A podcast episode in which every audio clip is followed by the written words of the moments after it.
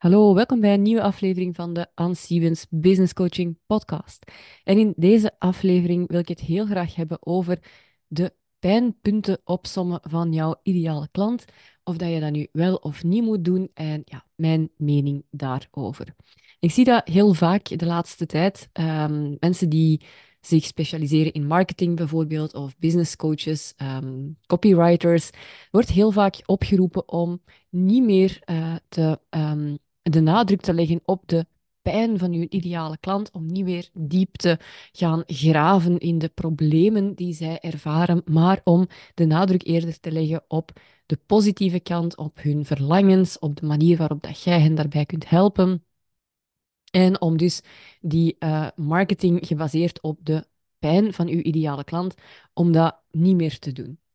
En ik kreeg onlangs ook een vraag van een klant van mij, die startte met haar traject en die zei, ja, zo die pijnpunten opzommen, ik wilde eigenlijk liever niet doen, ik wil het positief houden. En um, daar heb ik een paar dingen over te zeggen. Ten eerste, vroeten in de pijn van uw ideale klant. Hè. Um, is dat zo negatief als dat sommige mensen het doen uitschijnen of als sommige mensen het opvatten? Ik denk eigenlijk helemaal niet. Hè. Ja, je kunt dat um, als iets negatief zien, maar je kunt dat ook zien als een manier om uw ideale klant te laten weten, dus uw doelgroep, de mensen die dat jij helpt, om hen te laten weten, ik zie u, ik hoor u, ik begrijp u. Ja? Um, om een voorbeeld te geven. Onlangs uh, zei iemand mij um, dat zij heel slecht sliep, al, uh, al veel jaren heeft zij last van, uh, van van slaapproblemen. En ze zei, ja, dat is een, een heel groot probleem, want ik voel me eigenlijk nooit uitgerust en ook op het werk. Dat beïnvloedt echt wel mijn, mijn prestaties daar. En ja, ik voel me helemaal niet goed. Dus ik wil echt van dat slaapprobleem af. En ze zei, als ik dat tegen mijn collega's dan zeg, dat ik slecht slaap, dan word ik eigenlijk ook nog voor een stuk ja, uitgelachen is nu een groot woord, maar ze nemen mij niet serieus. En dan zeggen ze, oh, maar wacht maar totdat jij kleine kinderen gaat hebben. Uh, wacht maar totdat je um, baby's hebt. Dan ga je pas weten wat dat moe zijn is. Dan ga je pas weten wat dat niet slapen is. En ja, omdat zij uh, single is en dus ja, door haar collega's wordt gezien als iemand die zo lang kan slapen als ze zelf wilt, heeft ze daar het gevoel dat, daar, ja, dat haar probleem daar niet serieus genomen wordt. Nu, ze was dan op zoek gegaan naar, um, of ze was daarmee bezig om op zoek te gaan naar iemand die haar kon helpen bij uh, het afkomen van haar, uh, haar slaapprobleem. En stel dat zij dan op een website komt van een, een slaapcoach of slaaptherapeut, en die uh, begint op zijn homepagina met van jouw slaapgebrek af in drie maanden of zoiets. Of eindelijk weer beter slapen. Dat staat daar in het groot. Eindelijk weer beter slapen. Dan denkt hij toch al direct van, oh ja, dat is wat ik wil, dat is hier iets voor mij. Als je dan verder scrolt op die homepagina en daar staat iets in de zin van, herken je dit? En dan een opsomming. Um, je ligt hele nachten te woelen in je bed. Um, een nacht ononderbroken slapen, dat heb je al in geen jaren niet meer gekend. Je valt meestal pas in slaap vlak voor de wekker afgaat, waardoor dat je ook altijd um, doodmoe terug wakker wordt. Je ziet er tegenop om de dag te beginnen. Je loopt rond als een zombie op je werk. Het beïnvloedt je prestaties. Um, S'avonds valt je in slaap op de zetel. Je hebt geen tijd om te sporten of je hebt geen energie om te sporten. Je hebt geen energie om met je, je partner of je kinderen iets leuk te doen. In plaats daarvan ligt je al om acht uur knock-out op de zetel. Dat omschrijft gewoon de situatie waarin dat die persoon zit. En die persoon gaat het gevoel hebben van, ah, eindelijk een keer iemand die mij serieus neemt. Iemand die inderdaad weet hoe ik mij voel doorheen de dag. Die weet wat voor impact dat, dat heeft op mijn werk, op mijn gezin, op mijn leven. Die voelt zich gezien, die voelt zich gehoord, die voelt zich eindelijk begrepen. En in haar omgeving heeft ze dat misschien niet. Hetzelfde met iemand die bijvoorbeeld bijna tegen een burn-out gaat aanlopen. Of die in een burn-out zit, die daar misschien op heel weinig begrip uh, voor kan rekenen in haar omgeving dat zij geen energie niet meer heeft, dat zij haar, um, haar, haar, haar taken op het werk niet meer goed kan doen, dat zij niet meer de rol speelt in, in haar gezin die dat ze vroeger speelde.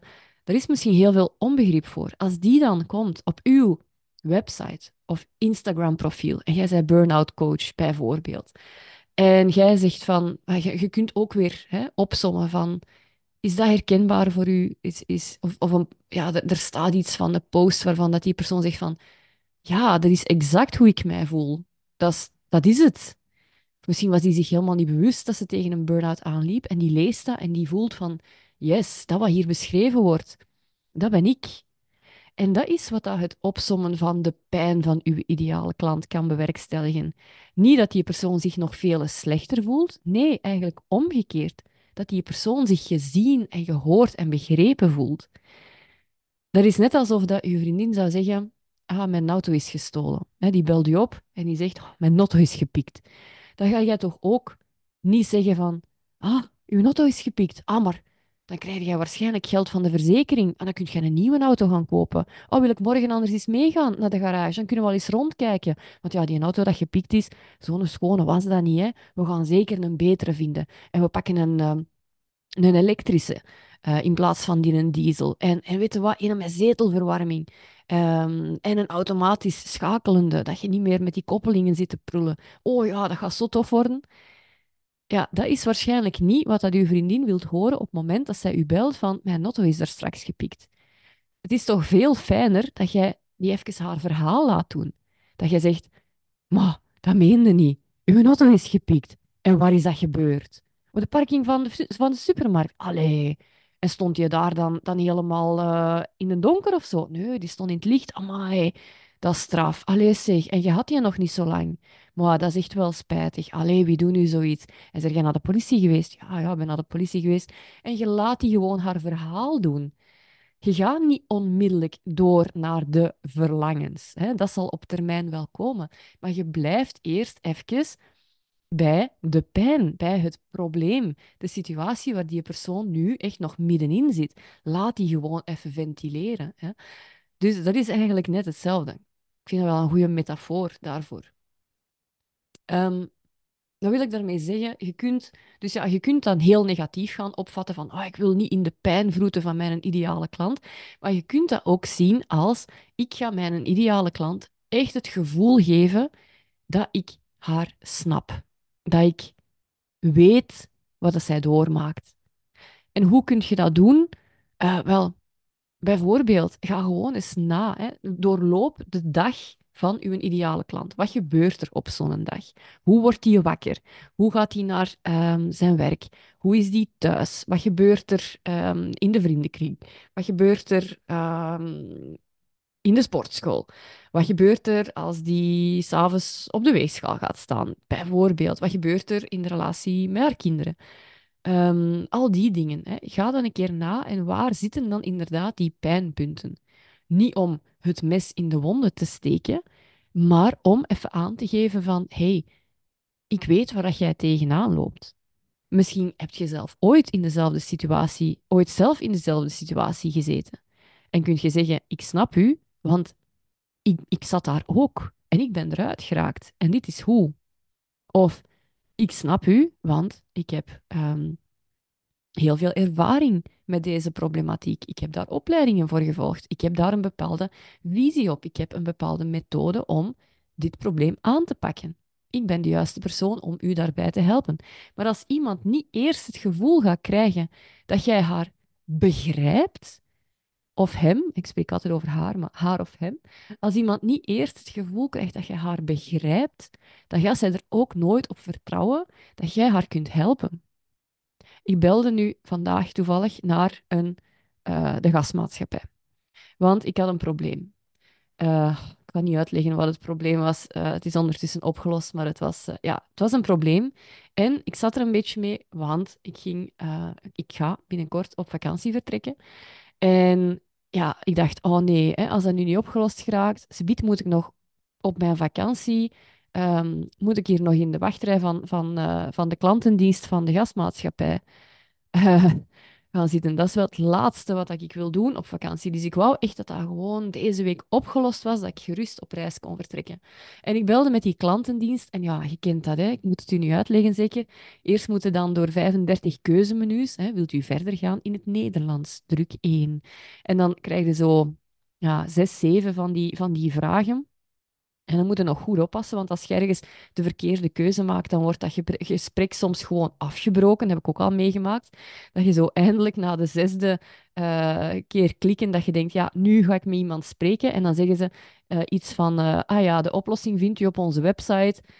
en dan klik en het gesprek is gedaan. Dus ja, leuk is dat niet na zo'n klant en die bellen. En als je dan eindelijk iemand spreekt, en dat was het geval bij mij vandaag, ik had dan iemand aan de lijn en die leek totaal mijn probleem niet te begrijpen of niet te willen begrijpen. Ik dacht nogthans dat ik het duidelijk aan het uitleggen was, maar ik kreeg op geen enkel manier terug van die mens van, ja, ja, ik snap u, dat is inderdaad een, een vervelend probleem. Nee, het duurde dan heel lang voordat ik mijn probleem uh, kreeg uitgelegd.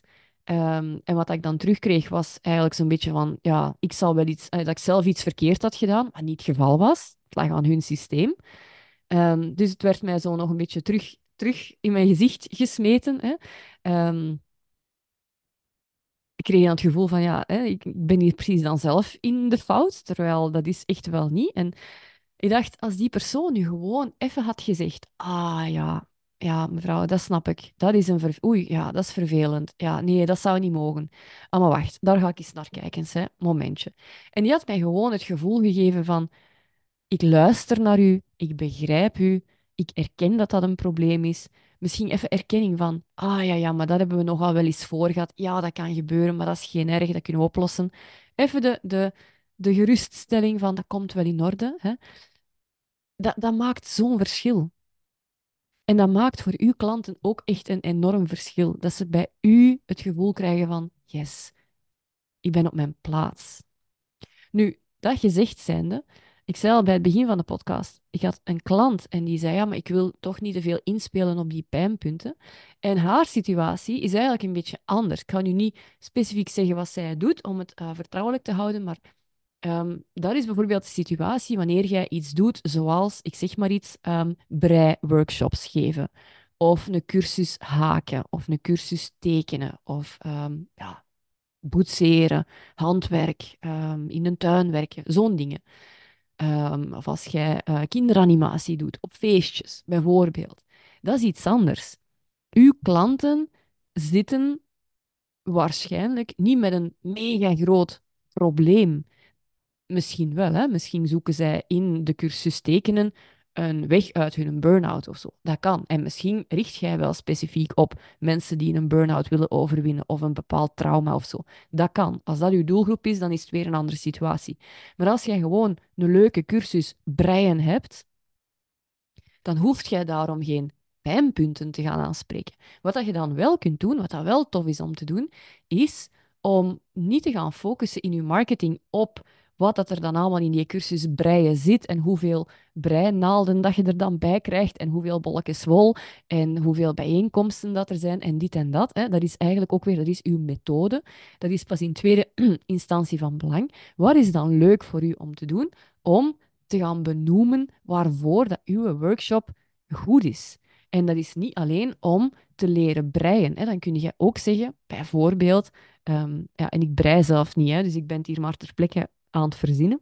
Maar dan kun je bijvoorbeeld zeggen wat voor een leuke um, mindvolle activiteit breien is. Dat als iemand een manier zoekt om een keer weg te komen van alle schermen bijvoorbeeld, uh, dat breien ideaal is. Als iemand een manier zoekt om um, een keer even helemaal zijn gedachten te verzetten, uh, om eens een keer echt alle beslommeringen van thuis en het werk te vergeten. Dat er dan niks beter is dan een, een, een ingewikkeld breipatroon volgen. Dat breien bijvoorbeeld een superleuke activiteit is om met uw vriendinnen te doen. Om zo een keer iets anders te doen dan altijd um, op restaurant te gaan of, of op café te gaan of ik weet niet wat. Um, dat kun je allemaal dan in de verf zetten. En dan gaat je inderdaad eerder die verlangens aanspreken, maar ook wel referentie maken aan de pijn, aan het probleem. Als jij zegt, cursus breien, dat is ideaal om uh, een keer weg te komen van al uw schermen, ja, eigenlijk indirect gaat je dan de pijn aanspreken van ik spendeer veel te veel tijd met mijn laptop en mijn gsm in mijn hand. Um, maar dat hoeft dan niet gedramatiseerd te worden, zou ik maar zeggen. Hè. Uw klant zit er waarschijnlijk niet op te wachten om, om inderdaad met de neus op de feiten gedrukt te worden van ah, je zit heel de tijd maar achter je computer en, en je, hebt, um, je hebt voor niks tijd en je bent niet mindful bezig en al die dingen. Nee, dan inderdaad, focus u dan vooral op het leuke dat het gaat opleveren. Maar ben jij coach of therapeut of um, whatever, helpt jij mensen met echt wel een bepaald probleem, dan is er echt niks mis om dat probleem ook gewoon te benoemen. Weet je, er is niks zo, um, zo, zo onaangenaam of zo vervelend als zo een probleem dat niet benoemd mag worden of zo. Dat zo'n groot taboe is, waar dan niemand echt... Uh, soms is dat gewoon heel fijn als je een probleem hebt, dat iemand daar woorden op plakt. Woorden die dat jij misschien in je hoofd hebt zitten. Als iemand dat dan een keer zegt. Daarom is het denk ik ook zo fijn om bijvoorbeeld met uh, lotgenoten te spreken. Als je een bepaalde ziekte hebt of zo, ja, dan is het gewoon fijn om een keer met iemand te kunnen spreken die echt weet wat dat, dat is, hoe dat, dat voelt, wat dat, dat inhoudt. Dat, dat je daar woorden aan kunt geven. Dus dat is ook inspelen op de pijnpunten. Dat is gewoon woorden geven aan dat wat dat er in je klant zijn hoofd speelt, in zijn hart omgaat, in zijn leven gebeurt. En dat is dus geen... Eh, ook weer, hè, dan zeggen mensen, ah, dat is een, een marketingtruc en uh, dat, is, uh, dat is niet ethisch en al die dingen. Ik zie dat helemaal anders. Ik zie dat veel positiever. Als een manier om iemand erkenning te geven. Om iemand te laten zien, ik snap u. Dat is mijn mening daarover. Uh, voilà.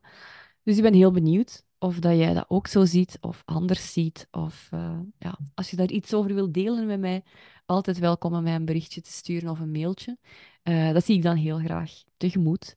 En zoals altijd, vind je de podcast leuk en heb je nog geen review gegeven, dan uh, zou ik dat heel fijn vinden als je dat nog zou willen doen, want dat helpt echt enorm om de podcast verder te verspreiden. Dan kunnen er ook andere ondernemers uh, door um, geholpen worden. Dat zou ik heel fijn vinden. Dus um, voilà, de review kunt je nalaten. Dat zijn zo die vijf sterkes die dat je kunt aanklikken. Kan zowel in Spotify, kan ook in Apple. En moest je luisteren op YouTube, dan kun je zo'n duimpje omhoog klikken. Um, dat is ook altijd heel fijn. Voilà, dat was het. Korte aflevering vandaag. Ik hoop dat je er iets aan gehad hebt. En tot de volgende.